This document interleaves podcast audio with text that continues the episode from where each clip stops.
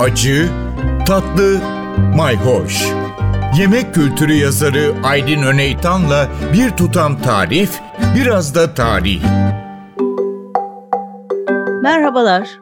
Ayşe Baysal'ın inanılmaz hikayesine devam ediyoruz. Film gibi denir ya gerçekten de öyle.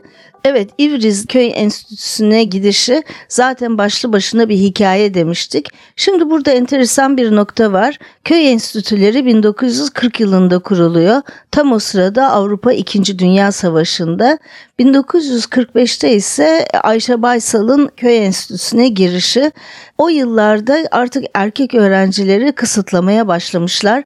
Kızların okula girişini teşvik etmek için. Hatta köyünden bir e, kız öğrenci getiren erkek öğrenciye kolaylık sağlamışlar. İşte o yüzden akrabalarının oğlu Mehmet çok gitmek isteyince köy enstitüsüne en güçsüz ve tarlada işe yaramaz olarak görülen Ayşe Baysal onun yanına katılıyor ve köy enstitüsüne gönderiliyor. Köy enstitüsü sonrası Ayşe Baysal'ın Kız Teknik Yüksek Öğretmen Okulu dönemi başlıyor. Şimdi burada aslında benim de daha önceden bilmediğim ilginç bir noktaya rastladım. O dönemde 1953-54 yılında Ayşe Baysal Osman Nuri Koçtürk'ün öğrencisi oluyor. Şimdi Osman Koçtürk'ün şöyle önemli bir özelliği var. O da Tarhanı Osman diye anılması aslında gıda bağımsızlığına hatta dünyada Türkiye'ye dayatılan gıda emperyalizmine ilk karşı çıkan insanlardan biri. Gıda Emperyalizmi diye bir kitabı da var.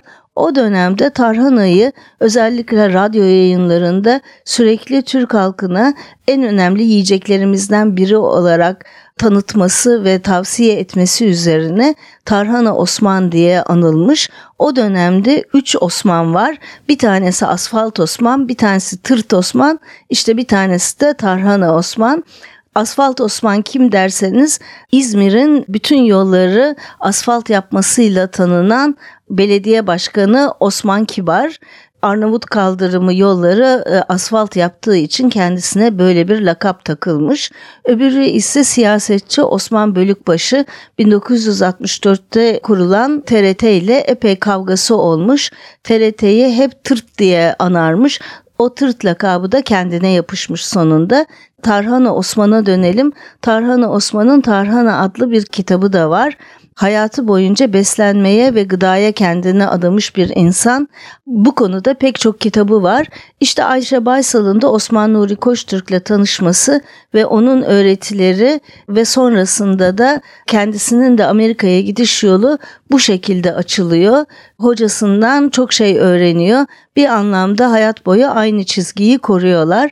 Evet, Osman Nuri Koçtürk'ün de hikayeleri bitmez. Gerçekten de her ikisinin de hayatı doğru beslenmeyi göstermeye adanmış hayatlar. Kendi hayatlarında da ilkelerinden sapmamışlar ev ekonomisi konusunda önce olan böyle hocalarımızın hikayeleriyle devam edeceğiz.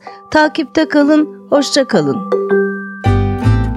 Bir tutam tarih, biraz da tarih. Aydın Öneytan'la Acı Tatlı Mayhoş Arşivi ntvradio.com.tr adresinde Spotify ve podcast platformlarında.